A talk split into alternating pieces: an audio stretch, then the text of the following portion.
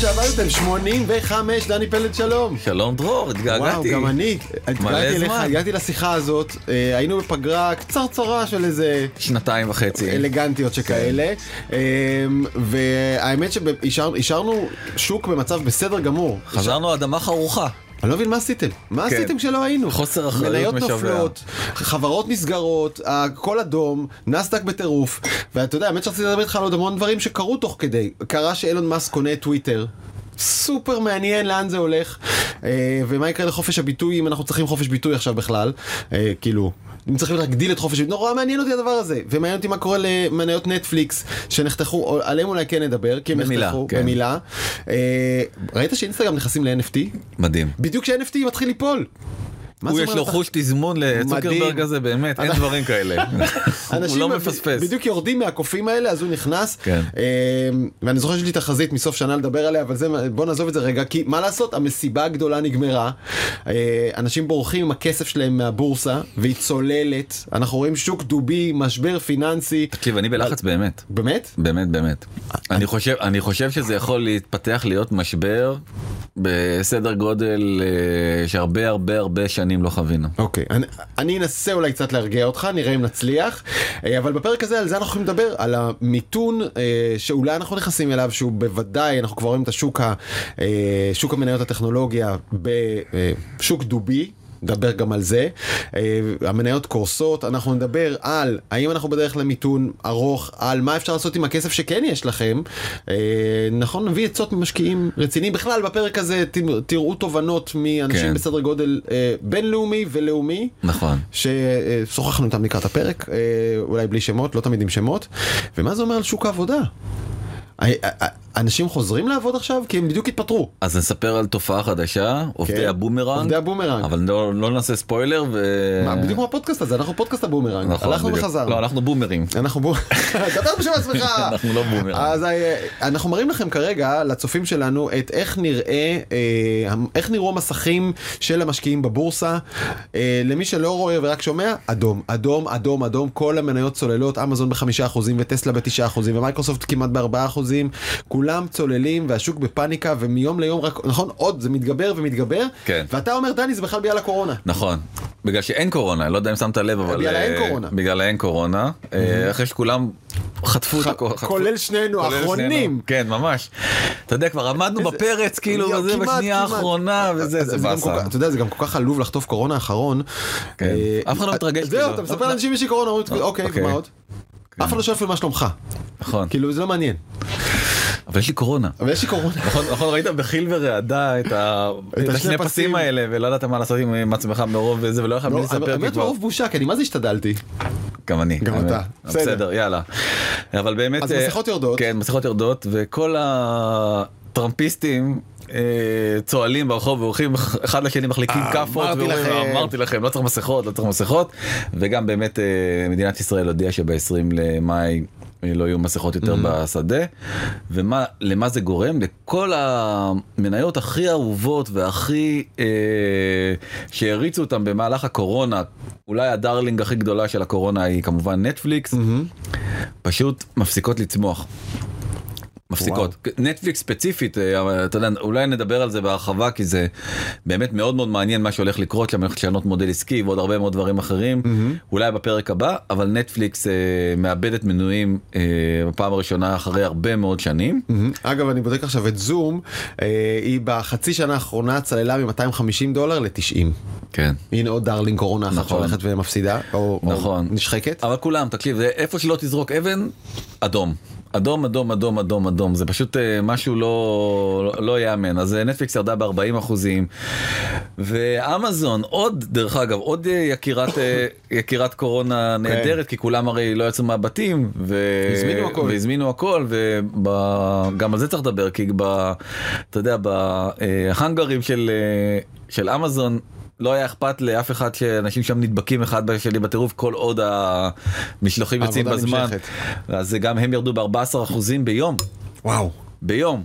אה, ואפל שאמרה שדווקא הוציאה דוחות מצוינים ממש מעולים אה, שברה שיאים וכן הלאה וכן הלאה אבל והמניה כבר התחילה לעלות ואז פתאום ה-CFO הצטרף, ל-. כן, הצטרף לשיחה ואז הוא אמר רגע רגע רגע רגע הרבעון הבא שלנו הוא קטסטרופה ובום גם אפל גם אפל אה, איזה פארטי פופר. אני מצ... כן, הוא ממש זה כאילו ממש כאילו זה זה זה כל כך מוזר ההתנהלות פתאום. עולה על השיחה ומפיל את המניה. מה פתאום, על- מה פתאום CFO גם עולה לשיחת משקיעים? כאילו מה אתה? כן תן תן פה לשיווק ולמכירות להרים מה אתה מוריד. אבל שלא לדבר על מה, קורה עם החברות הישראליות, כל אותן חברות. שהנפיקו שנה שעברה אה, וחגגנו אה, איתן ועבורן, אה, קלטורה מינוס 85 אחוז, אוקיי? כן. קלטורה נשאר 5 אחוז, מה-15 אחוז מהשווי אה, שיא שלה. אה, לדעתי זה ירד עוד כי זה ירד עוד. כן זה כבר פחות מזה. וואו, אבל כן. ריסקיפייד, אנחנו רואים כאן גרף, גרף מגלובס מתחילת השבוע, ריסקיפייד ירדה ב-75% ואינוויז 72% פחות, טאבולה ירדה ב-60%, סימילר ווייב ירדה ב-40%, רק מאנדיי כאילו עוד איכשהו שמה... ממש לא מאנדיי מאנדיי אה סליחה, מאנדיי... התרסקה. התרסקה ב-70 סליחה, כן. כולם, כולם לא, פשוט לא. בהתרסקויות מטורפות. ממש. אה, חברות מתרסקות, יורדות לחצי, יורדות לרבע, יורדות לעשירית מהשווי שהיה להם פשוט לפני שנה. כן אז הטכנולוגיה זה באמת הסקטור שסופג אה, הכי הרבה אה, ולכן זה גם מאוד מאוד משפיע על מדינת ישראל כי מדינת ישראל 50% מהתוצר שלה השנה עברנו מהייצוא, לראשונה כן. הוא הייטק אז אה, אז מה יהיה. בעיה קשה ובאמת אנחנו נכנסים לשוק דובי. עכשיו מסתבר שיש הגדרה למה זה שוק דובי שוק יורד. אז זהו שגם אני חושב אני הייתי בטוח שזה גם שוק יורד שוק יורד. ושוק שיורד זה שוק עולה נכון כן, שוק שורי זה שוק עולה, כן. אז אה, אוקיי אז עולה ויורד ב-20 אחוזים זאת אומרת יש אה, איזשהו בנצ'מארק שאם זה אם זה סתם יורד ב... אתה יודע כי הרי מניות עולות ויורדות כל הזמן אז אה, אם יש ירידה של 20 אחוזים זאת אומרת שהיא מספיק מהותית אז השוק הזה יורד כלומר אם לא ירד 20 אחוז אסור לך להגיד דוב. כן אוקיי. דובון דובון. דביבון וואלה. אז אה, איפה אנחנו? אני יכול להמשיך דווקא נהנה מהמשחק הזה פנדה, כן, אוקיי. בדיוק אז אה, אנחנו כרגע ב-27 אחוזים ירידה. ירידה מתחילת השנה זאת אומרת אה, בראשון לראשון המדד היה כמעט על אה, 15,800 לא, למה כמעט אני יכול להגיד לך בדיוק מספר 15,832 ועכשיו אנחנו על 11,623 נקודות. אז זה לא דוב, it's a grizzly bear. כן זה זה חתיכת דוב כן, גדול. זה ממש דוב דוב גדול ענק. אה, ובעצם אה, הירידה אה, הזאתי השאלה היא מה היא מבשרת האם תהיה עוד ירידה או לא תהיה עוד ירידה. יש ב... בעולם ההשקעות עובדי אלילים כן. וודו כאלה כן. שקוראים להם צ'רטריסטים סתם עכשיו אני פה פוגע באנשים אני כאילו רואה איך כאילו אתה גמור. אני ממש גמור, כאילו אנשים אני- יקרים שעושים את העבודה שלהם נכון, אני צריך כאילו להיכנס עם. מראה מתחת לאוטו לראות שהכל בסדר, אבל הצ'רטריסטים האלה, לא, רגע זה- רק נגיד צ'ארטריסטים זה אומר לא מטיסות אה, זולות לפראג אלא אנשים שיושבים על הצ'ארט על הגרף ומנתחים כל מיני ניתוחים אה, כן נכון פה יש אה, עם סרגלים, הם באים עם סרגלים, על- המחשב סרגל על המחשב תקשיב, אני למדתי, לא- לא- לא לא נעים להגיד שאני, כן. א' כן, הם באים סרגלים על המחשב באמת, אבל אה, כשאני למדתי אז הם היו, אתה יודע, אז היו מדפיסים את זה ועושים אה, פסים עם סרגלים, ובעצם הם אומרים, יש פה התנגדות, יש פה, אה, המניה הזאת כאילו היא לא תרד מתחת היא לא ל-200, תפרוץ את כן, את הקו. הזה, קו ההתנגדות, כל מיני כאלה, זה. קו מז'ינו היה לי פרופסור בלימודי הכלכלה בתואר הראשון שבאמת הוא אמר אלה הם עובדי אלילים. אל, אל תקשיבו, אל תלמדו מהם, אל תעזבו את, ה, את הדבר הזה, אבל יש הרבה מאוד שמתייחסים אליהם מאוד מאוד ברצינות. אה, ולמה אני מספר לך את כל הסיפור הארוך והמייגע הזה? Mm-hmm. כי כרגע בעצם השיא של, אה, אה, השיא של נסדק היה עוד יותר גבוה, הוא היה בעצם בסוף נובמבר, הוא הגיע לפיק, הוא חצה את קו ה-16. ומאז הוא בעצם אנחנו כבר 168 ימים בירידה. כן הממוצע של כל הירידות בנסדק מאז אה, שהתחילו בעצם את המדד הזה עומד על 198 ימים. אה מעולה נשאר לנו עוד חודש כן אז עוד חודש והכל סבבה. עוד חודש אז אני אומר את זה רק רק עוד פעם כי זה אתה יודע אם אתה מסתכל על העניין הזה אז זה באמת. אה, אבל צריך להגיד יש כאן כוכבית ענקית שמנצנצת וזה מה שאנחנו עושים כרגע זה לנסות ללמוד על העתיד מן העבר. ואי אפשר. ואי אפשר זאת. אפשר. זאת הטעות שכל בן אדם עושה וכל משקיע עושה אה, פשוט אין לך משהו אחר אבל אתה לוקח את העבר ומנסה ללמוד נכון, אבל- זה לא אומר כלום. נכון כי ב- בעיקר לא בשוק המניות א' כי הוא כל הזמן אה, הולך ומתעצם לאורך לאורך תקופה ארוכה וגם כי התנאים ש- שהם היום הם לא מה שהיה פעם. פעם היה משבר אנרגיה בשנות ה-70 שישראל הייתה הכוכבת אה, הגדולה שלו ששם למשל היציאה מהמשבר לקחה רק 630 יום וואו. ואז זה אומר שיש לנו עוד 500 בערך יום לחכות יום, כן. של משבר שדרך אגב אני כאילו הרבה יותר כאילו נמצא שם בצד של הסקאלה. אתה מאשר- פסימיסט. אני פסימיסט. אה, אני לא. ו... אבל תראה, תראה, קודם כל הראת את ה-S&P, אה, שזה מדד המניות הלא טכנולוגיות, גם הטכנולוגיות, אבל הגדולות בכלל. כן. אתה רוצה להמשיך עם הנסדק? כן, אתה רצית להגיד את ה... כן, אז יש נקודה חשובה להגיד על הנסדק, אה, אבל זה נכון בכלל על הבורסה, וזה כשאתה רואה שהשוק יורד, הרבה אנשים בורחים מפאניקה. אם אתה לא צריך את הכסף מחר, ואין באמור ל- להיות אה, ייעוץ השקעה, כן אין ייעוץ השקעות וכל זה, אבל אם אתה לא לא צריך את הכסף בטווח הנראה לעין, ההיסטוריה מלמדת, ושוב, ההיסטוריה, רק ההיסטוריה מלמדת, שהדבר הנכון זה להישאר. נכון. כי זה יחזור. לא מחר, עוד שנתיים, לא עוד שנתיים, עוד חמש, אבל בסוף השוק עולה ועולה, כי בסוף הכלכלה מתפתחת. אני נותן פה אה, פרומו להמשך כן.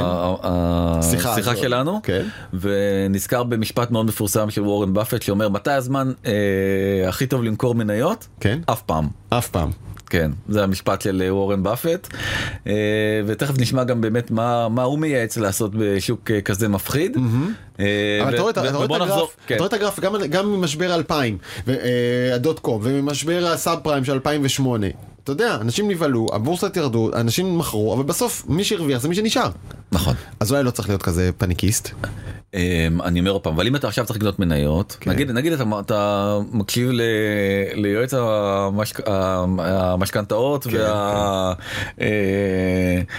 והתיקים האלטרנטיביים אה, הר דרור גלוברמן אוקיי, בסדר? אוקיי, ואני הולך אוקיי. לבורסה קונה עכשיו את כל המניות עושה באמת פיזור מאוד מאוד גדול ובום עוד אה, חודש נוראי כזה כמו החודש אה, שעבר אה, עלינו עכשיו קורה כי הרי אף אחד לא יודע זה עוד יכול לרדת המון המון המון המון זה פחד אלוהים. נכון. ואז הדבר לעשות זה למכור את הבית שיש לך ולקנות עוד מניות אם זה ירד. זה, מחירי מבצע. כן. לא תקנה. נש... אתה ממש נשמע, מתחיל להישמע כמו עצות של ענבל אור. זאת האמת, לשם זה לא, הולך. חס וחלילה. אבל, אבל אני אומר, אה, מחירים יורדים. ובועה לא, מתפוצצת זה סתם, דבר אני- טוב. אני- אני צוחק, זה בגדול אתה צודק. השוק המניות זה שוק באמת לטווח ארוך ארוך. של אה, הרבה שנים, לא להסתכל עליו בטווח קצר ונקודתי, חד משמעית. כן. וגדולים מאיתנו באמת, אה, ואנחנו עוד פעם אנחנו נדבר על זה בהמשך. נכנסים עכשיו. נכנסים עכשיו וקונים בהרבה מאוד כסף אה, מניות. אה, אבל זה כשהם יודעים שזה... זה, זה זה גם לא- פונקציה, דרך אגב זה גם פונקציה של, וזה כל יועץ השקעות יגיד לך, של כמה כסף אתה מוכן לאבד. כן. אם אתה מוכן עכשיו להבין שמתוך הסכום סך ס- אה, סל ההשקעות שיש לך אתה מוכן לאבד 20 אחוזים, זה בעצם מגדיר את אה, כן. אופי התיק השקעות שאתה צריך לבנות. כי זה... זה איזה סיכון אתה, נכון. אתה מוכן לקחת ולאיזה טווח אתה צריך את הכסף. אה, אתה מראה עכשיו גם את אה, S&P 500 שזה לא מניות הטכנולוגיה אלא המניות הגדולות בכלל בכל הענפים. נכון. תעשייה, תעופה, אנרגיה בעיקר. אנרגיה, אה, ושם אנחנו רואים ירידה טיפה יותר צנועה של 17 אחוזים נכון. לעומת 27 אחוז של נסדק אה, והשאלה אם זה לא שוק שנגרר אחרי הטכנולוגיה כי שם בעיקר הנפילות והוא זה שיחזור יותר מהר כלומר אולי זה הזמן לקחת את הכסף מהטכנולוגיה- ולשים אותו ב-S&P. אז זה, זה נקודה מצוינת והסיבה שאנחנו מראים את הגרף הזה זה בדיוק בגלל כי כאן המ- המכפילים הם הרבה יותר שפויים דיברנו על כן. המכפילים אז בעצם תכף נדבר עליהם ממש. כן אז המכפילים של חברות הטכנולוגיות הם כאילו אה, התנתקו לגמרי מכל אה, ר- רציונל שאפשר להסביר אותו פשוט כולם כל הזמן פמפמו עוד ועוד ועוד את המכונה הזאת שבעצם ברור שהגידול הזה וזה אולי בעצם ההת- ההתפכחות מהקורונה היא תרמה מאוד לעניין הזה אה, כולם בעצם מבינים שהדבר הזה לא יכול להימשך אה, לעד. החברות האלה לא יכולות לגדול בקצבים שהם אה, גדלו בהם. ודווקא החב- החברות הפחות אה, סקסיות שברון אה, של אנרגיה ג'נרל אלקטריק אה, שבונה טורבינות אה, של רוח אה, היינץ של הקטשופ. של הקטשופ הרשיז של השוקולד כן. שהמכפילים שלהם הם מכפילים מסורתיים ומאוד מאוד בסיסיים. הם עדיין, מוכר, עדיין מוכרים, עדיין אנשים צורכים אנרגיה, להפך אפילו המחירים של האנרגיה עלו, אז החברות האלה במצבם יותר טוב, וכן הלאה וכן הלאה. נזכיר מכפיל זה היחס בין הרווחים של חברה לבין אה, שווי השוק שלה כמה היא שווה לעומת כמה היא כן, אה, יש כל מיני סוגים של. מכפילים, זה, זה מכפיל מסוים. זה מכפיל מסוים נכון מכפיל רווח בסדר כן. יש הרבה מכפילים יש מכפיל הכנסות וכולי נכון. על כל פנים זה זה איזשהו כלי מאוד פשוט אה, בשביל משקיעים לאמוד האם החברה האם השווי שלה הוא הגיוני או לא הגיוני נכון. האם המניה שלה במחיר הגיוני או לא הגיוני ויש כאן אה, פער דרמטי דרמטי מאוד בין חברות טכנולוגיה לחברות לא טכנולוגיה, אפשר אולי להסתכל על זה אחרת, זה יותר חכם. חברות ערך וחברות צמיחה, נכון? נכון. יש חברות שאתה יודע שהן מרוויחות את הכסף היציב שלהן ואתה תקבל חזרה את ההשקעה שלך, אה, ויש חברות שאתה בונה על צמיחה עתידית, אה, ולכן אתה מוכן להשקיע, אלה במידה רבה חברות הטכנולוגיה, לשם הלך- הגדול מהכסף, שם הייתה הבועה, וזאת הבועה שמתפוצצת יותר נכון. עכשיו. ב- אז אה, באמת השבוע שעבר ביל גורלי שהוא אחד המשקיעים אולי הכי הכי נחשבים בעולם ה-VC הוא, הוא שותף מנהל בקרן בנצ'מארק כתב מניפסט אה, אה, איך, איך קוראים לדבר הזה אתה אמרת? טוויטר thread. בדיוק יפה Twitter thread. אני אוהב שאתה עושה את המבטא של דונלד טראמפ אז הוא כתב זה יותר עם השפתיים. כן. אה, כאילו שרשור טוויטר עם כמה מחשבות על מה קורה עכשיו. נכון אז אני אתן לך להקריא כי זה באמת זה באמת זה אני אומר עוד פעם אם אם אנחנו מסכימים איתו אז אנחנו הולכים לשוק גרוע מאוד זה רק מה שזאת המשמעות של הדבר הזה. אני, אני מודה שאחרי שהצגת את הבן אדם יהיה לי מעט קשה להתווכח עם התובנות שלו אבל okay. אוקיי. הנה התובנות הוא אומר דור שלם של יזמים ומשקיעי טכנולוגיה בנה את ההשקפה שלו על איך עובד עולם הערכת השווי של חברות במהלך 13 השנים האחרונות של ריצה מטורפת של שוק שורי. כלומר יש כאן המון אנשים שמשפיעים על הרבה כסף ומה שהם יודעים על העולם זה מה שהם למדו בשנים האחרונות השוק תמיד עולה. והוא אומר תהליך הלמידה מחדש של איך השוק באמת עובד הולך להיות כואב ומפתיע ומטריד לרבים ואני צופה החשה. כלומר אנשים יראו את השוק הנופל ויגידו כמו שאולי אני אמרתי לפני כמה דקות לא לא זה תכף יחזור תשאר חכה תקנה זאת ההזדמנות. אה, ולמה? כי הוא אומר זה שהתרגלנו למחירים מטורללים כמו שהיו קודם זה פשוט לא אומר כלום זאת רק ההיסטוריה. נכון. אם, אם, אם אמרנו שנטפליקס הייתה שווה 200 מיליארד דולר ואתה אומר וואו ירדה ב-70 אחוז ירדה ב-60 אחוז ממה שהייתה שווה זה לא אומר שהיא תחזור לשם זה פשוט לא מחיר רלוונטי. יש נפילה. כן, היא לא זולה. היא לא זולה גם היום. כן. אה, וזה אומר שזה המחיר של אחרי ירידות הוא לא הזדמנות. תשכחו מהמחירים האלה, לא נחזור אליהם.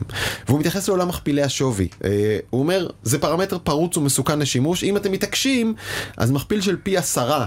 בין הרווחים לשווי החברה צריך להיות מדהים וגבול עליון. בחברות הטכנולוגיה הגענו בקלות לפי 20, פי 30, פי 50, היו דברים מטורפים. ב-private equity בכלל גם פי הרבה יותר מזה. נו, טסלה הגענו ל-186. של היחס בין, כן. אה, בין כמה חברה מרוויחה לכמה היא שווה, אנשים מוכנים פשוט לפמפם טונה של כסף לתוך הדבר הזה. אז הוא אומר, מעל, מעל למכפיל של פי עשרה זאת טיפשות גמורה. טוב, זה בעצם כינוי לכל נסדק בערך, נכון? טיפשות גמורה.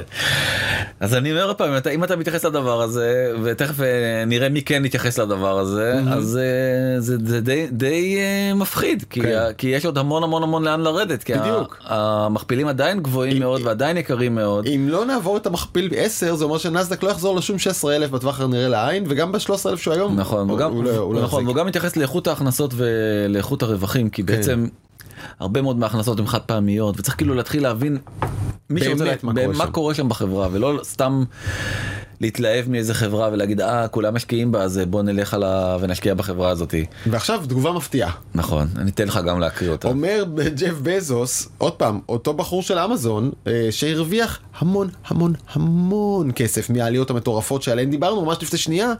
מה זה המון כסף? הוא- הוא היה האדם העשיר בעולם לכמה כן, כמה חודשים, כמה שנים. להרבה שנים עד שבא עוד אחד אחר שגם כן אה, מתודלק מאותן עליות מתודלק, מתודלק ו- בשם אילון מאסק והדיח אותו אבל אבל זה די מדהים התגובה שלו ואני חושב אומר- שהיא אומרת משהו מאוד מאוד קשה על, מה- על השוק שאנחנו נמצאים בו. אז הוא אומר על ביל גרלי שאותו ציטטנו לפני רגע, מכפיל עד פי 10, אומר עליו ג'ף בזוס, הוא אחד האנשים הכי חכמים שאני מכיר, שווה להש- להקשיב לו, ואנשים תמיד אה, לא מעריכים עד כמה השוק של העליות היה מדהים. הם חושבים שדברים הם בלתי ניתנים לעצירה. עד שהם עוצרים. כן. אז השווקים מלמדים אותך שיעור שיכול להיות מאוד מאוד כואב. את זה אומר ג'ף בזוס, האיש שהרוויח טונה כסף מאמזון, ואז אתה שואל את עצמך, אז מה זה אומר עליך חבוב? לא? בדיוק. מה זה אומר מה עליך? זה אומר עליך? מה זה אומר על השווי שוק של אמזון? כן. אולי הוא, אתה גם מבין? אתה חושב שהוא מנופח ולא מוצדק? אני חושב שכן, אתה יודע, זה, לא, ג'ף בזוס, כן, כן. הוא- כן, אני עניתי- בשם ג'ף בזוס, כן. המבטא הג'ף בזוסי שלי. ואולי אחד הדברים שמסבירים את למה עכשיו פתאום אה, הכל נופל חוץ מהקורונה, זאת הכותרת הכלכלית הכי ותיקה בעולם העיתונות הכלכלית, האינפלציה האינ- מרימה הראש. נכון, האינפלציה מרימה ראש, ועוד פעם, זה משהו שאנחנו מדברים עליו שנה. אני פה אתן לך כמה מיני חיתוכים. נכון. ניתן לך כמה דוגמאות של אה, שניהלנו דיברנו על בעצם על המשבר האספקה. דיברנו על זה בקיץ לדעתי ביוני או ביולי שעבר. אה, ואמרנו שזה לא יכול להיות שהמחיר של המכולה ככה מרקיע שחקים והאייפון לא התייקר. הוא חייב להתייקר. הוא חייב כי להתייקר. בתוך המחיר של האייפון יש את המכולה שהביאה אותו. יפה אז הם ספגו את זה וספגו את זה וספגו את זה אה, בסופו של דבר זה התייקר עכשיו דיברנו כמובן זה לא רק אייפון, זה אייפון וזה קפה וזה בגדים וזה הכל. הכל הכל הרי הכל מגיע מסין אין כמעט אה, סחורה לא, אה, בסוף הרי באמת הכל כמעט מגיע מסין, הכל כן. מגיע מסין. אה, מכוניות. מכוניות. עוד עוד נושא שגם גחגחנו עליו כן. אה, להזכיר לך על זה שבעצם אה, מכוניות אה, יד שנייה עולות יותר ממכוניות יד ראשונה והיה זינוק באמת שלא לא ראינו כמותו גם היה צריך להדליק נורה אדומה. וצחקנו על זה שמחירי מכו- מכוניות יד שנייה יקר יותר מאותה מכונית חדשה כי אין מכוניות חדשות. נכון. אי אפשר להביא אותן. ו- אוקיי. והנושא האחרון שדיברנו עליו גם כן בפרק אחר זה על כמה התייקרו אה, אפילו מתחילת הקורונה אם אתה זוכר מחירי הלימוד באוניברסיטאות. זאת אומרת, כן, שכר שכר לימוד. לימוד. שכר לימוד באוניברסיטאות. וכל היופי הזה הביא למצב שבארצות הברית האינפלציה השנתית עומדת כרגע על שמונה וחצי אחוזים. וואו. שמונה וחצי אחוזים זה שיא תקשיב עכשיו תקשיב טוב כן, כי זה כן, באמת כמה שאני אגיד לך את זה בלאט זה עדיין לא נתפס הדבר הזה זה שיא של 41 שנה יואו. מאז 1981 לדעתי אז היה רייגן מי היה אז ב-81 ב... כן. מאז ימי רייגן לא היה אה, לא, לא הייתה אינפלציה כזאת מטורף. זה פשוט מטורף עברנו כל כך הרבה משברים אז תחשוב עברנו את הדוט קום. את ההתפוצצות הענקית של הדוט קום שזה היה. נראה עברנו את הסאב פריים ואת הקורונה. עברנו את הקורונה שום דבר לא לא אה, הביא לכזאת אה, אינפלציה מטורפת. היא כל כך אה, מטורפת שבחודש האחרון פשוט יצאה לגמרי משליטה וכמעט הגיעה לאחוז אחד 0.9 אחוזים רק במרץ בארצות הברית. וואו. כלומר המחירים, צריך צריך שנייה להבין את זה. המחירים של הכל עלו ב- באחוז. באחוז across the board. כן. כאילו כל שאתם, החשבונות שאתם משלמים בסופר והמים והחשמל והזה וזה, זה בארצות הברית, תכף נדבר על ישראל גם. כן. אה, אז כשהאינפלציה עולה, אומר לעצמו אה, אה, יושב ראש הפד, כן, ג'רום פאוול. אין ברירה, צריך לעלות ריבית. נכון, הוא כינס ברביעי לחמישי את, עשה איזה מסיבת עיתונאים כזאת גדולה, והודיע על עלייה בעצם של חצי אחוז ביום, כאילו ב- הרגע עולה בחצי אחוז, זה משהו שלא קרה 20 שנה. כן. מאז קלינטון לא העלו בכזאת עלייה חדה את הריבית אה, בארצות הברית זה משהו מאוד מאוד דרמטי למה הוא עושה את זה? כי בעצם הוא הניח שאם הוא יעלה את הריבית בצורה מאוד מאוד חדה אז יהיה פחות כסף ללוות כסף. כן. זאת אומרת יהיה פחות. אה, לא יהיה פחות כסף ללוות כסף זה משפט מטופש. יהיה פחות לא, זה לא כזה מטופש, זה פשוט לא ברור. כן, יהיה- יהיה אה, פחות incentive של הצרכנים אה, ללוות אה, כסף כי הכסף הופך להיות הרבה הרבה יותר יקר ואז אולי פחות יקנו בתים פחות יטוסו לחופשות. פחות יקנו לימודים, פחות יקנו נכון אה, פחות ישקיעו גם בבורסה, כי אנשים גם לווים כסף כדי להשקיע בבורסה. נכון. אה, תכף- אני אגיע לנקודה הזאת כי זה בעצם ה-flip side של אותו מטבע. אה, כמו שאמרת בוא נתייחס שנייה לישראל אז בעצם בישראל הריבית במרץ אה, לא הריבית האינפלציה אינפלציה. סליחה האינפלציה בישראל עמדה על שלושה וחצי אחוזים שזה מעבר גם בישראל אנחנו מעבר ליעד האינפלציה השנתי היעד האינפלציה השנתי של- שבנק ישראל הגדיר אותו לשנת 2022 עומד על בין אחוז לשלושה אחוזים אז אנחנו כרגע מעבר מעבר לו. הצפי היה שהאינפלציה כבר תגיע ל-3.8 אחוזים במרץ והייתה הפתעה והיא לא זזה זאת אומרת אה, עוד פעם זה זה קשור מאוד. אה, כן, רק צריך להגיד, הגרף, אה, למי שצופה בנו, הגרף שאנחנו רואים עכשיו זה לא גרף כמו מקודם, קודם זה היה גרף ממש פר חודש, עכשיו זה האינפלציה השנתית אה, שנמדדת בכל חודש. נכון. אה, אנחנו עדיין ב- ב- בריבית אה, יותר נמוכה כאן של בנק ישראל. נכון והדבר הדבר אבל, הכי- אבל זה, זה גם אפשר להניח שזה צפוי לזוז, בדרך כלל הדברים הולכים ביחד. אני צריך לחכות לחודש הבא ולראות אוקיי. לאן, לאן זה הולך אה, אבל מה שקורה עם העלאת ריבית וזה קשה מאוד לנתק את הדבר הזה וזה אולי הקטסטרופה הכי גדולה זה שהעלאת ריבית מביאה איתה תמיד מיתון. אה, ואתה יכול לראות אה, גרף די מדהים כאילו אה, אה, של ארצות הברית שוב פעם כל פעם שהייתה העלאת ריבית אתה יכול לראות את זה ב-2000 ואתה יכול לראות את זה ב, כאילו ב, אתה יודע בתחילת ה-2000 ובמשבר הסאב פריים מיתון כבד. אה, בשוק שתמיד גורר איתו אחרי שהמיתון מתחיל בעצם הורדה של הריבית כן. ואז היא יורדת לריבית אפילו אתה רואה אפילו יש כזה מין פס דק כזה בתקופת הקורונה כי אתה זוכר שברבעון הראשון היה תחושה שכאילו העולם אה, נחרב. כן אה, עומד מלכת. אה, דויטשה בנק למשל חושב שהולך להיות מיתון מטורף כאילו אה, שייקח הרבה מאוד זמן אה, להתאושש ממנו. הם מונים שלוש סיבות עיקריות בעצם האינפלציה הריביות שילכו ויעלו כי כדי להילחם באינפלציה וייצרו את המיתון הזה. ומהצד השלישי שתכף נגיע גם לנושא הזה בסוף השיחה ובאמת כדאי להישאר לחלק הזה כי זה מאוד מאוד מאוד נוגע אני חושב בכל מי שעובד במשק אה, יש התנתקות של הביקוש לעובדים וההיצע של העובדים כן. שזה לא היה אף פעם בוא נסביר שנייה אולי ממש בקצרה מה זה מיתון בעצם ברגע שמעלים את הריבית אז בעצם חונקים. בצורה מלאכותית זה כאילו הכלי שיש לבנק ישראל לחנוק את הביקוש חונקים את הביקוש המחירים אה, יורדים המחירים יורדים פחות צריכה פחות צריכה פחות אנרגיה פחות אנרגיה השוק צומח פחות. מאט, כן. מאט אה, מאוד אפשר להציג את זה בשתי דרכים נורא אינטואיטיביות ופשוטות אם הבנק מציע לי יותר ריבית על הכסף שלי אז אני אעדיף לצרוך קצת פחות ולחסוך קצת יותר היום הבנק לא נותן לך שום דבר. אתה מגיע לזה עוד שנייה כן אני... אוקיי אוקיי והדרך השנייה זה של עסקים הם יכולים לקחת פחות הלוואות כדי לגדול. כן. אז, אבל זה באמת א' ב' של כלכלה. אז אספו אה, חבורה של בנקאים, בלומברג אספו חבורה של בנקאים ושאלו אותם מתי הולך להיות מיתון. אה, 50% מהם חושבים ש-2023 הולכת להיות שנת אה, מיתון אה, קשה. וואו.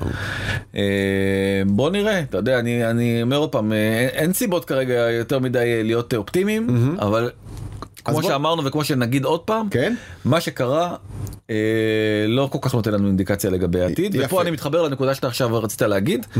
לגבי מה, אה, שזו הערה מאוד מאוד נכונה, בעצם ה, אם אנחנו פחות נשקיע על שוק המניות, אנחנו נלך ל, ל, לאפיקים אלטרנטיביים או לחיסכון בבנק, כי mm-hmm. בעצם הבנק מקבל ריבית יותר גבוהה מהמדינה, נכון? כן. אם הריבית עולה, זה היופי, כן. אז, אז, ואז הציבור יותר חוסך והבנק יכול להציע ריבית יותר גבוהה, mm-hmm. ואז כשיש לי ריבית מובטחת גבוהה בבנק לעומת טרפת בשווקים, הרבה מאוד אה, אה, אנשים בציבור יחליטו שהם מעבירים כסף מהבורסה. Mm-hmm. אל הבנק או לאג"ח כן. ואג"ח מה שקורה גם כן זה השתוללות באג"ח לקחתי אג"ח של 10 שנים של ארה"ב הוא קפץ כמעט מ... הוא היה ב... רק באמצע פברואר הוא היה באחד וחצי כמעט באחד וחצי אחוזים mm-hmm. עכשיו הוא בשלוש נקודה שתיים. פי שניים. כן mm-hmm. בחודשיים. כן. שלושה ברבעון כן ברבעון זה אה, הכפיל את עצמו האג"ח שזה נחשב לדבר הכי בטוח בעולם האג"ח של ממשלת ארה"ב triple A וכן הלאה וכן הלאה. שזה אחלה תשואה. נכון כן. וזאת התשואה עוד פעם זה תשואה לטווח ארוך והשאלה הגדולה ביותר זה מה הולך להיות על ההייטק הישראלי ואני... בהינתן כל הדברים האלה שכרגע מנינו. בהינתן כל הדברים האלה ויש את המשפט המפורסם של נדיר אקרמן שאומר שהעולם מתחלק לשניים ווינרים ויוזרים אלה שעובדים בהייטקס וכל השאר. זה תמיד יצחיק אותי. כן וכולם רצו אתה יודע וכולם רצו באמת להיות חלק מהמסיבה הזאת של ההייטק והולך להיות כאן משהו מאוד מאוד מאוד קשה. הוא כבר קורה. Uh-huh. אני חושב שאנשים עדיין פשוט לא מעכלים, כאילו, מעכלים, כן. מעכלים, החשש היא באמת אה, זה, ובית, הרי כל ה... כולם קיבלו המון המון אופציות כן. בחברות שנסחרו בשווים באמת מופלאים והיו פה אלפים על אלפים של מיליונרים מההייטק. Mm-hmm. כל מי שלא מימש וכל מי שלא אה, פדה את המניות שלו ולהרבה מאוד הם לא יכלו כי יש להם כן. לוקדנים הלוקדנים לתקופה מאוד מאוד ארוכה אז גם אם הם נורא נורא רצו לממש הם לא יכלו לממש כי זה חלק מההתחייבות שלהם ברגע שהם הולכים להנפקה שהעובדים לא מוכרים את, כן. את האופציות. אז, בעצם יש לנו כאן את הקטגוריה הענקית הזאת של עובדי החברות חברות ההייטק והיוניקורנים וכולי שקיבלו גם תנאי העסקה נהדרים וגם פינוקים וכולי וגם אה, אה, אופציות וחלקם באמת זה עניין טכני של מתי נגמר לך ה-lockdown כמו שאתה אומר ה-vesting אתה יכול היום לצאת ומחר לא. אה, אלה שהתמזל מזלם בשנה האחרונה להיות מסוגלים למכור את המניות שלהם יצאו ממש עם מיליוני או עשרות מיליוני דולרים בכיס והחיים שלהם נראים עכשיו אחרת. אה, ויש כאלה שזה פשוט בעוד חודש ה-vesting שלהם נגמר וזהו לא שווה כלום. כן. נכון אתה תמשיך לעבוד חביבי כי אין לך את הכסף בכיס והוא גם לא יהיה יש חברות שהבינו את זה ואני מבין שכבר מחלקות אה, אופציות חדשות במחירים המעודכנים כי מה לעשות אתה לא יכול לייבש את העובדים האלה לנצח נכון. אה, אבל אנחנו מבינים שכל אבל ה... אם חברה הייתה שווה 2 מיליארד דולר ועכשיו היא שווה 200 כן שזה ה 200 מיליון. Uh-huh. אז אה, אז פתאום לעובדים היא קצת נראית פחות אטרקטיבית. נכון אבל אבל אם זה כל השוק מה האופציות שלך וזה גם אומר משהו מאוד עצוב על סטארט-אפים חדשים שחשבו שהם הולכים לגייס בשווים הקודמים ותוכניות עסקיות שהיו אני, רלוונטיות אני לפני שנה. מגיע לזה אני מגיע אוקיי, לזה כי, זה, אוקיי, כי זה אוקיי. מאוד מאוד מאוד מעניין באמת מה יקרה לשוק הסטארט-אפים אבל בוא בוא באמת נרוץ אז אני חושב שאנחנו לא נראה יותר כאלה מסיבות אה, מטורפות כמו של לא. רפיד ושל לא, אה, נגמר? וח- וחופשות במאוריציוס כמו שהביז נגמר. נגמר זה אני בטוח כאילו שזה נגמר. זה גם משקיעים לא יעריכו את זה. עכשיו פתאום כל ה-VCs אומרים אבל אמרנו לכם להתנהל אה, אה, בזה." אחראי, ממש ממש אמרנו. ומחירי עכשיו הדבר הזה הוא גם זה גלגל תנופה כן. כי בעצם הוא משפיע גם על מחירי השכירות היום מחירי השכירות בתל אביב הם מטורפים. אתה לא יכול להשיג משרד מתחת ל-200 שקל למטר זאת אומרת אתה יכול אבל כאילו לא באזורים היוקרתיים כן.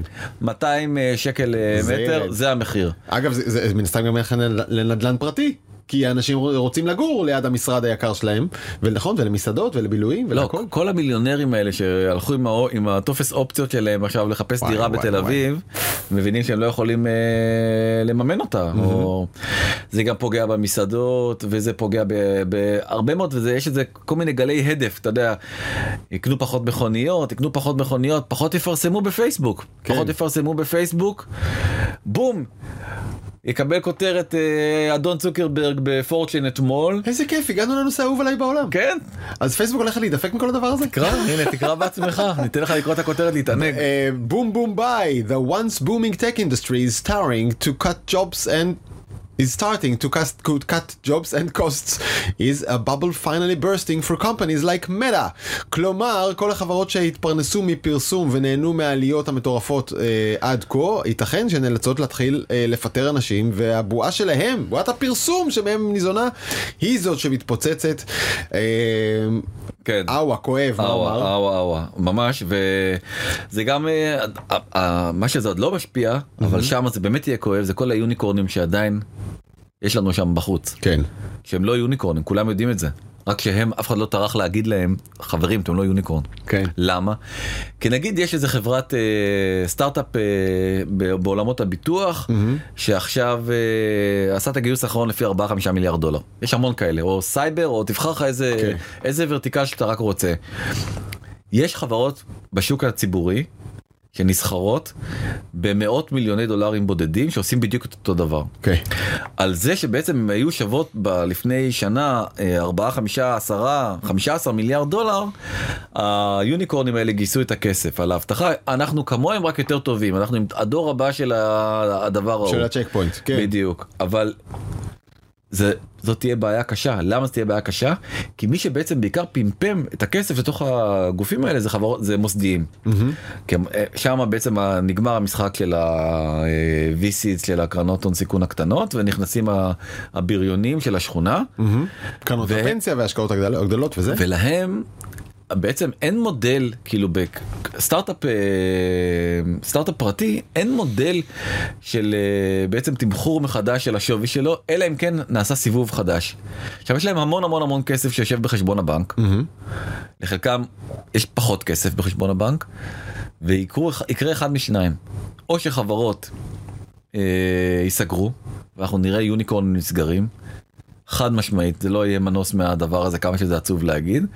או שאנחנו נראה בעצם הרבה מאוד חברות עושות מה שנקרא בשפה שלנו down rounds סיבובים בשווים הרבה הרבה יותר נמוכים אה, כי השוק יכפה את זה עליהם. ואז כל קרנות הפנסיה יצטרכו למחוק בספרים שלהם את הדבר הזה. ומה יקרה? בדיוק מה שקרה ב2008 הפנסיה שלך ושלי אתה יודע כנראה אה, יחטפו איזה כן. שטוזה רצינית מהסיפור הזה.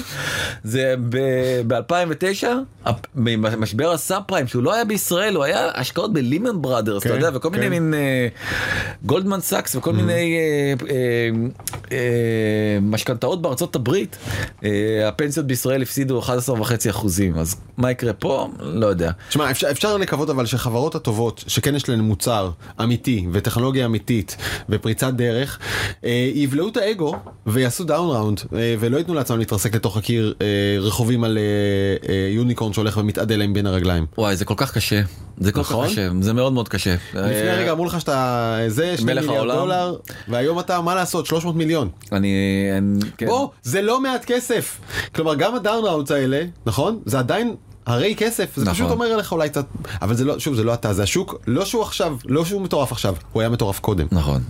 אני מקבל לגמרי. אגב, מהזווית שלך, כן, כמשקיע, אוקיי, אז אני גם משקיע- של הזדמנויות מעולות. נכון אז אני משקיע אני אפשר לדבר על זה יותר באריכות אבל אני משקיע בשלבים אה, מוקדמים בסטארט-אפים ושמה ממשיכה החגיגה. זאת אומרת אוקיי. בעצם המחירים אה, יש לי פה כמה גרפים מתוך אנג'ליסט בארצות הברית שיש להם ממוצע די טוב כאילו על השוק הזה. אתה יכול לראות שחודש אחרי חודש עדיין אה, בפרסיד ממש העלייה מאוד מאוד מובהקת בסיד אה, שזה סבב אחד אחריו אה, זה סבבים מאוד מאוד הראשונים ביותר של החברות עדיין יש עלייה. ב-B שזה כבר השלבים יותר מתקדמים זה עדיין לא החברות היוניקורנים ששם זה בדרך כלל D, E וכל מיני אותיות כאלה יותר כן. מאוחרות.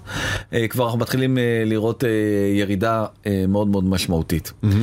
אה, למה זה קורה? כי בעצם קורים שני דברים אתה רוצה לדבר שנייה על, על ה-VC אני אדבר ממש ממש בקצרה כן. בעצם קורים שני דברים קורה מצד אחד שהשוק הציבורי הוא הכי רחוק מהחברות בעצם שבשלב ההקמה שלהם ולכן זה פחות רלוונטי אה, לגבי השווים שלהם זה פעם ראשונה ופעם שנייה זה שכל הקרנות הבריוניות האלה מבינות שאין הזדמנויות כל כך גדולות ב- ב-D, E ו-F ואז הן יורדות למטה.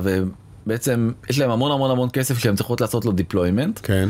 ואני אני- מתחרה אני מתחרה זה היה מסובך מדי כל כן, ההסבר אני הזה? אעשה את זה טיפה יותר פשוט. הקרנות הגדולות מבינות אה, שהסבבים, סבבי ההשקעה המאוחרים יותר, שבהם מגייסים באמת את הטונה של הכסף, את ה-100-200 מיליון דולר לפי שווים של מיליארדים, הסבבים האלה לא קיימים היום, או שהם התרחקו, או שהשווי שלהם ירד, אז הם לוקחים את הכסף שלהם והולכים אחורה אל הסבבים המוקדמים יותר, שבהם. הכסף נמוך יותר. אבל עדיין, זה שהחברה צריכה כולה 5 מיליון דולר, זה לא אומר שאדון פנסיה לא צריך למצוא פתרון ל-100 מיליון עכשיו, כן. וזה אומר שאתה בתחרות עם 100 מיליון דולר. נכון מאוד. על הכסף השקעה שלך. זה אגב בדיוק מה שקורה כן. אה, גם בישראל וגם בעולם. אה, אבל יש גם יותר הזדמנויות. אז השוק שלך השתנה בעצם, יש הרבה יותר הזדמנויות והרבה יותר תחרות. על אני חושב ההזדמנויות האלה. שאנחנו כרגע חווים את התחלת השינוי אני חושב שזה יגיע עוד מאוד מאוד רחוק אבל בוא בוא נרוץ ונתקדם אפשר לדבר אני על אה, VC אני מוכן לדבר באמת יום יום ימים על ימים כן. כלילות. אבל תגיד, זה אומר משהו גם אה, על חברות שהשקעת בהן, מה זה-? או אתה, אני מתייחס אליך כמשקיע X, בסדר? כן. אתה לא חייב ל- לדבר על הפורטפוליו הפרטי שלך, אבל אה, חברות ש- שמשקיעים השקיעו בהן, אה, עכשיו אתה בהתלבטות אדירה אם להמשיך להנשים אותם, כי אתה מאמין שהם יצלחו את ה-death of valley הזה ונפגוש אותם בעוד שלוש שנים חיות ומשגשגות, או שאתה אומר, לא, לא, זה לא יקרה, למות. אה, שאלה מאוד מאוד מאוד טובה אה, וצריך אה, אם אם יש לנו עכשיו אה, כזאת התלבטות באיזושהי חברה ספציפית אה, שאנחנו מאוד מאוד מאוד מאמינים בה. אם החברה היא בריאה אז אנחנו נמשיך לתמוך בה. אם אנחנו נחשוב שהחברה היא לא מספיק בריאה אז אה, זה חלק מה חלק מהעבודה אין מה לעשות זה כן מקצוע קשוח לפעמים. כשה- וזו תקופה זו תקופה באמת מאוד מאוד מאוד מאוד מורכבת. פעם היית רק אומר אתה יודע אומר אה, אני יש לי חברה אה, יש לי דופק ויש לי דק והיית מגייס זה- כסף. זה כאילו המצגת? ומצגת משקיעים והיית מגייס אה, כן היה- הזמנים משתנים. לא הגעתי לסיבה הכי קשה מכל הדבר הזה מלחמת אוקראינה רוסיה ג'יי פי מורגן הבנק הכי גדול בעולם המנכ"ל שלו ג'יימי דיימון שהוא כאילו גם כן נהיה איזה מין אה, הוגה דעות ופילוסוף אומר שבעצם עזבו אתכם עכשיו מה... עזבו אתכם באמת עזבו אתכם מהאינפלציה ומהריבית זה לא מעניין. הדבר הכי גרוע שקורה עכשיו בעולם זה המלחמה של רוסיה ואוקראינה. למה? כי בעצם אה, רוסיה אחראית לכל כך הרבה מאספקת האנרגיה העולמית ואוקראינה אחראית לכל כך הרבה מהקומודיטי העולמי. מהסחורות, מה- מהחיטה בעיקר. נכון, בעיקר מהחיטה, לא רק, גם אה, תירס, גם סויה, גם עוד כל מיני מין אה, אה, חומרים אחרים. זה לא ייתן ל- ל- לשוק ל- להתקרר כי ה- המחירים פשוט יהיו כל הזמן מאוד מאוד מאוד יקרים העולם לא יוכל ל- ל- לצאת מהלופ הזה עד שבעצם לא ייפתר שם הסיפור הזה. עוד נקודה מטרידה ומעניינת ועכשיו מגיע באמת לשלב ה- הפרקטי אולי יותר. מה עושים עם הכסף אה, אז שני היריבים הכי מושבעים שיש בעצם וורן באפט ואילון מאסק שרק השבוע התנצחו על מחיר הביטקוין ו- ווורן באפט אמר שגם אם היו מציעים לו את כל הביטקוין בעולם ב-25 דולר לו- אולי היה לוקח כי זה שטות ואין לו מה לעשות עם זה. אה, הוא היה- הוא לוקח. חשבתי על זה, הוא היה לוקח. די נו, את כל הביטקוין בעולם 25 הוא דולר. אמר את זה קבל עם ועדה מול אה, בשידור חי, הוא תביאו. לי את כל הביטקוין שבעולם, לא הייתי לוקח. והתנצח, גם גם השבוע הוא התנצח עם אה, אילון מאסק על הדבר הזה, ואילון מאסק אמר, הוא אמר ביטקוין כל כך הרבה פעמים, הוא כזה מזכיר לי את ביביס ובטן. אוי, תקשיב, הציוצים של אילון מאסק בשבועות האחרונים נהיו מטורללים יותר כן. מהרגיל. הוא כ- הוא כתב אתמול בבוקר משהו כמו שתיתי אה, צ'וקולט מילק, כאילו קקאו, זה מה זה טעים. באלוהים ציוץ של אילון מאסק, האיש העשיר בעולם. כן, עם זה- 100 איזה מיליון לייקים, עם כן. 100 מיליון לייקים, נכון? זה זה כאילו החלק המעצבן. כן, אבל אה, בינתיים בינתיים אה, נראה שדווקא העם הולך, או הכדור הארץ הולך ביחד עם וורן באפט, והביטקוין אה, בתחילת השבוע כבר צלל ל-32 אלף דולר, הכי נמוך בחצי שנה האחרונה, ווורן באפט, בדיוק כמו שאמרת, קנה רק ברבעון האחרון ב-51 מיליארד דולר, הוא השקיע עוד בשתי חברות אנרגיה, בשברון ובאוקסי, הוא השקיע בחברת ביטוח אה, בשם אה, אלגני, והוא השקיע גם באקטיביז'ן, כן. שזה החברה שאתה זוכר שמייקרוסופט קנתה, תכף אני אספר לך למה, והוא השקיע כן. ב-HP. אוקיי. שהם המתחרים של אפל שהוא בעל המניות הכי גדול באפל, כן. שזה גם מעניין, אבל למה הוא השקיע באקטיביז'ן?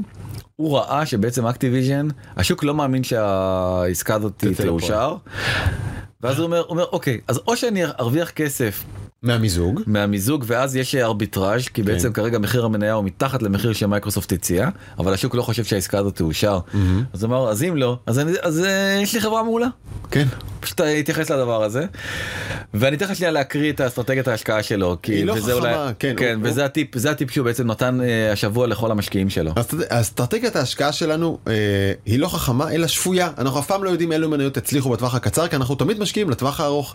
האסטרטגיה שלנו היא באמת ממש פשוטה קנו והחזיקו. נכון. ובאמת מתחילת השנה אה, אמרנו ה-S&P אני פה לא מדבר על הנסדק ששם בכלל זה, זה אתה יודע זה נראה הרבה יותר מרחץ דמים מה-S&P אז ה-S&P ירד ב-17 אחוזים וברקשר המניה שהוא אה, מנהל עלתה ב-10 אחוזים. אבל אתה יודע זה מעניין שאנחנו חוזרים עליו עכשיו כי לאורך השנים האחרונות דווקא קצת ירדו עליו נכון. אה, על וורן באפט על זה שהוא שומר על הכסף שלו והוא נמנע מהשקעות טכנולוגיה הוא אמר אני לא נכנס להשקעות שאני לא מבין בהן שזה היה שלושת רבעי הנסדק הוא לא נכנס לשם כי הוא לא מבין בזה וזה מה שעולה ועל זה היה הדיבור ופתאום מה אתה אומר? כאילו הגיע 2022 וואלה צדקת? היית חכם כל הזמן? אה, תראה הוא מאוד מאוד עקבי זה גם מה כן. שהוא אומר הוא אומר אני כל הזמן הולך עם ההיגיון, עם ההיגיון הזה של אני משקיע בחברות בריאות. ושאני מבין בהן. שפתאום אתה ופתאום אתה רואה את אה, ביל גורלי שכאילו מייצג את הקצה השני של המתרס כי הוא משקיע בחברות הכי מתקדמות הכי טכנולוגיות הכי הכי הכי הכי אומר אותו דבר כמוהו. כן. והדבר היותר מדהים זה שבאמת אילון מאסק שהוא האויב הכי גדול שלו בכל התפיסה הכלכלית הרי הוא נגד אה, אה, וורן באפט נגד ביטקוין ונגד קריפטו ונגד כל הדבר, הוא אומר אני לא מבין את ה- הקשקוש הזה. עכשיו גם אני אמרתי לך אלף פעם אתה יודע אני יודע שאני בומר אבל אני באמת לא מבין מלא מהדברים האלה אני לא מבין אותם. לא מבין למה צריך את ה...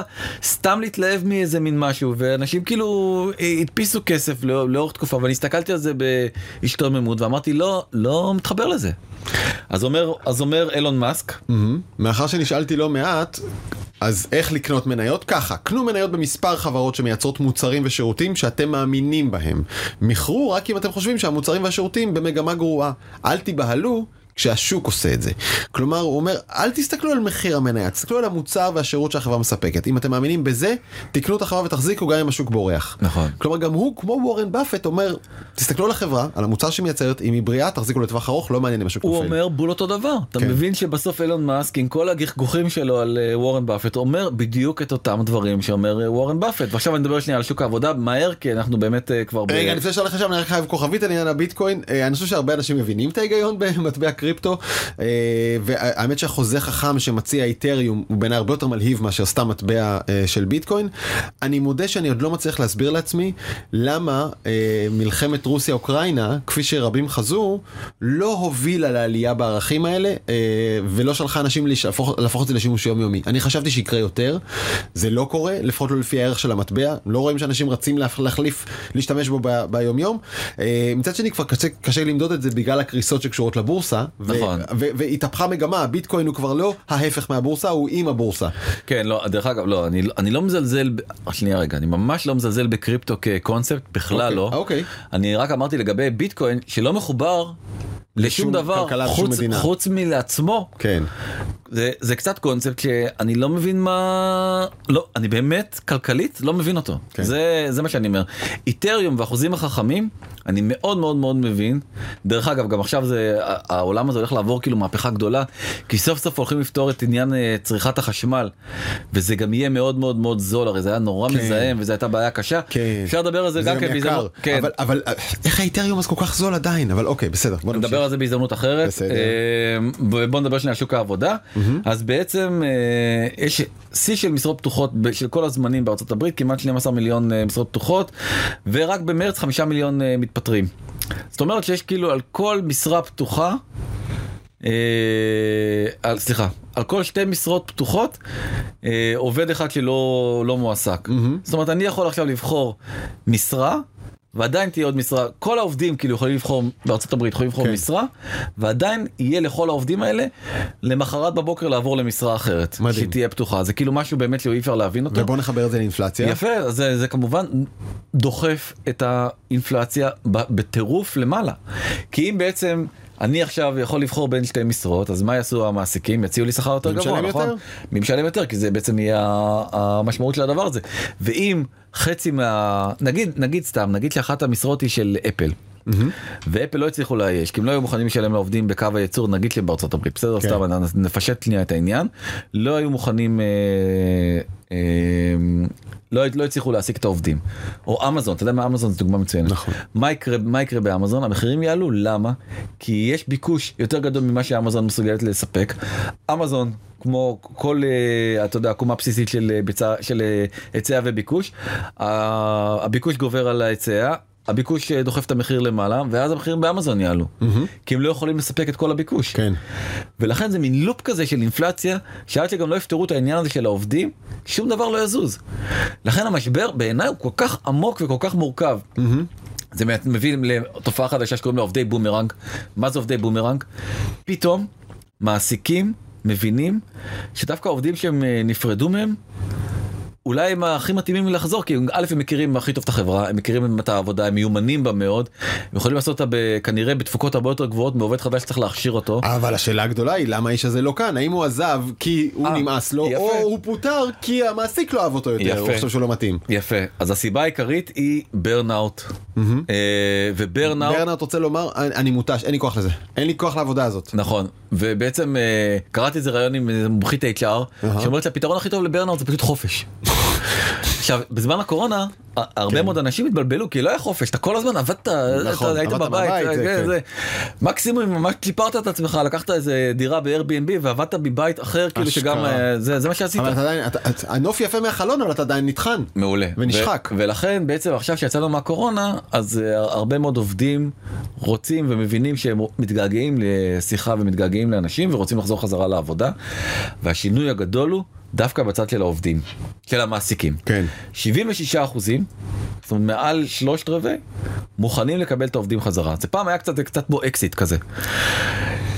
נפרד ממני לא חוזר אלייך נכון כאילו ככה זה יפה עשיתי את זה כן. לא. כן אז אה, אז נשמע כמו ככה אדם מנוסה. נכון כן. לא זה קרה לי אה, אבל אה, אני אומר עוד פעם אתה יודע בסוף אה, צריך כאילו כנראה למחול על הכבוד ולהבין כן. שבעצם זה יותר טוב לארגון שאתה עובד ממנו ולקבל חזרה עובדים אה, קיימים והשבוע במקרה הייתי באיזה אירוע פרידה מעובדת יקרה לא ניכנס לשמות והמנכ"ל. אמר עוד פעם הוא לא ראה את ה... הוא, לא ראה את המחקר הזה על הבומרנגים וכל הדברים האלה ואמר את כל כך מתאימה פה לארגון והארגון כל כך מתאים לך שאני בטוח שנחזור. וזה היה באמת זה היה מאוד מאוד יפה כאילו איכשהו אה, אמר את הדבר הזה ואני חושב שזה אתה יודע זה רוח חדשה כי פעם באמת מנהלים היו אומרים אתה יודע הלכת מפה אתה יודע שהדלת הזאת היא אמרו לי את זה כבר בוא נגיד ככה. כן הדלת הזאת לא, לא תיפתח יותר. אה, דלת- אצלנו אין דלת מסתובבת. זה, אה, אז, אז זה אמירה כאילו שהיא לא מתאימה יותר ל-2022 ובזה כן. אני רוצה לסיים. ציטוט של ביל מאלר אפרופו אקסיות. אה, אולי הגיע הזמן בעצם שנחזור להשתמש בפייסבוק בשימוש המקורי שלשמו הוא נוצר לראות כמה האקסים שלנו השמינו. תודה לך שחזרת לנושא החביב עליי בעולם. ביל מאלר. אה, ביל מאלר, אה, עד כאן פרק מסחרר על המציאות המסחררת. כן. אה, אה, ניפגש שוב בשבוע הבא, נכון? הפעם כן. אופטימי מתמיד אבל אופטימי נחזור. תמיד. כן. אגב, בוא נראה מה יקרה לשוק. מה יקרה לשוק? כן. אם אנחנו הולכים לתיקון גדול, או שכמו שאתה צופה אה, למיתון, אנחנו אה, מסיימים את בזמן שעבדתם 85. אתם מוזמנים ליצור איתנו קשר, או במייל, בזמן at קשת מינוס tv.com, או בוואטסאפ 03-7676-012. אפשר למצוא אותנו במאקו ב-N12 ובכל אפליקציית הפודקאסטים הזמינה אה, והקרובה לביתכם. אנחנו נגיד תודה לבר כץ העורך, לנטע ספילמן המפיקה, לתומר וולף ומוטי אוננה על הסיוע הטכני, ולחברים בנקסטר, זוהר צלח, ניצן כרמלי ודנה גוטרזון. דני פלד, אה, תענוג, כיף לחזור. גם לי, תודה רבה, דרור. ביי.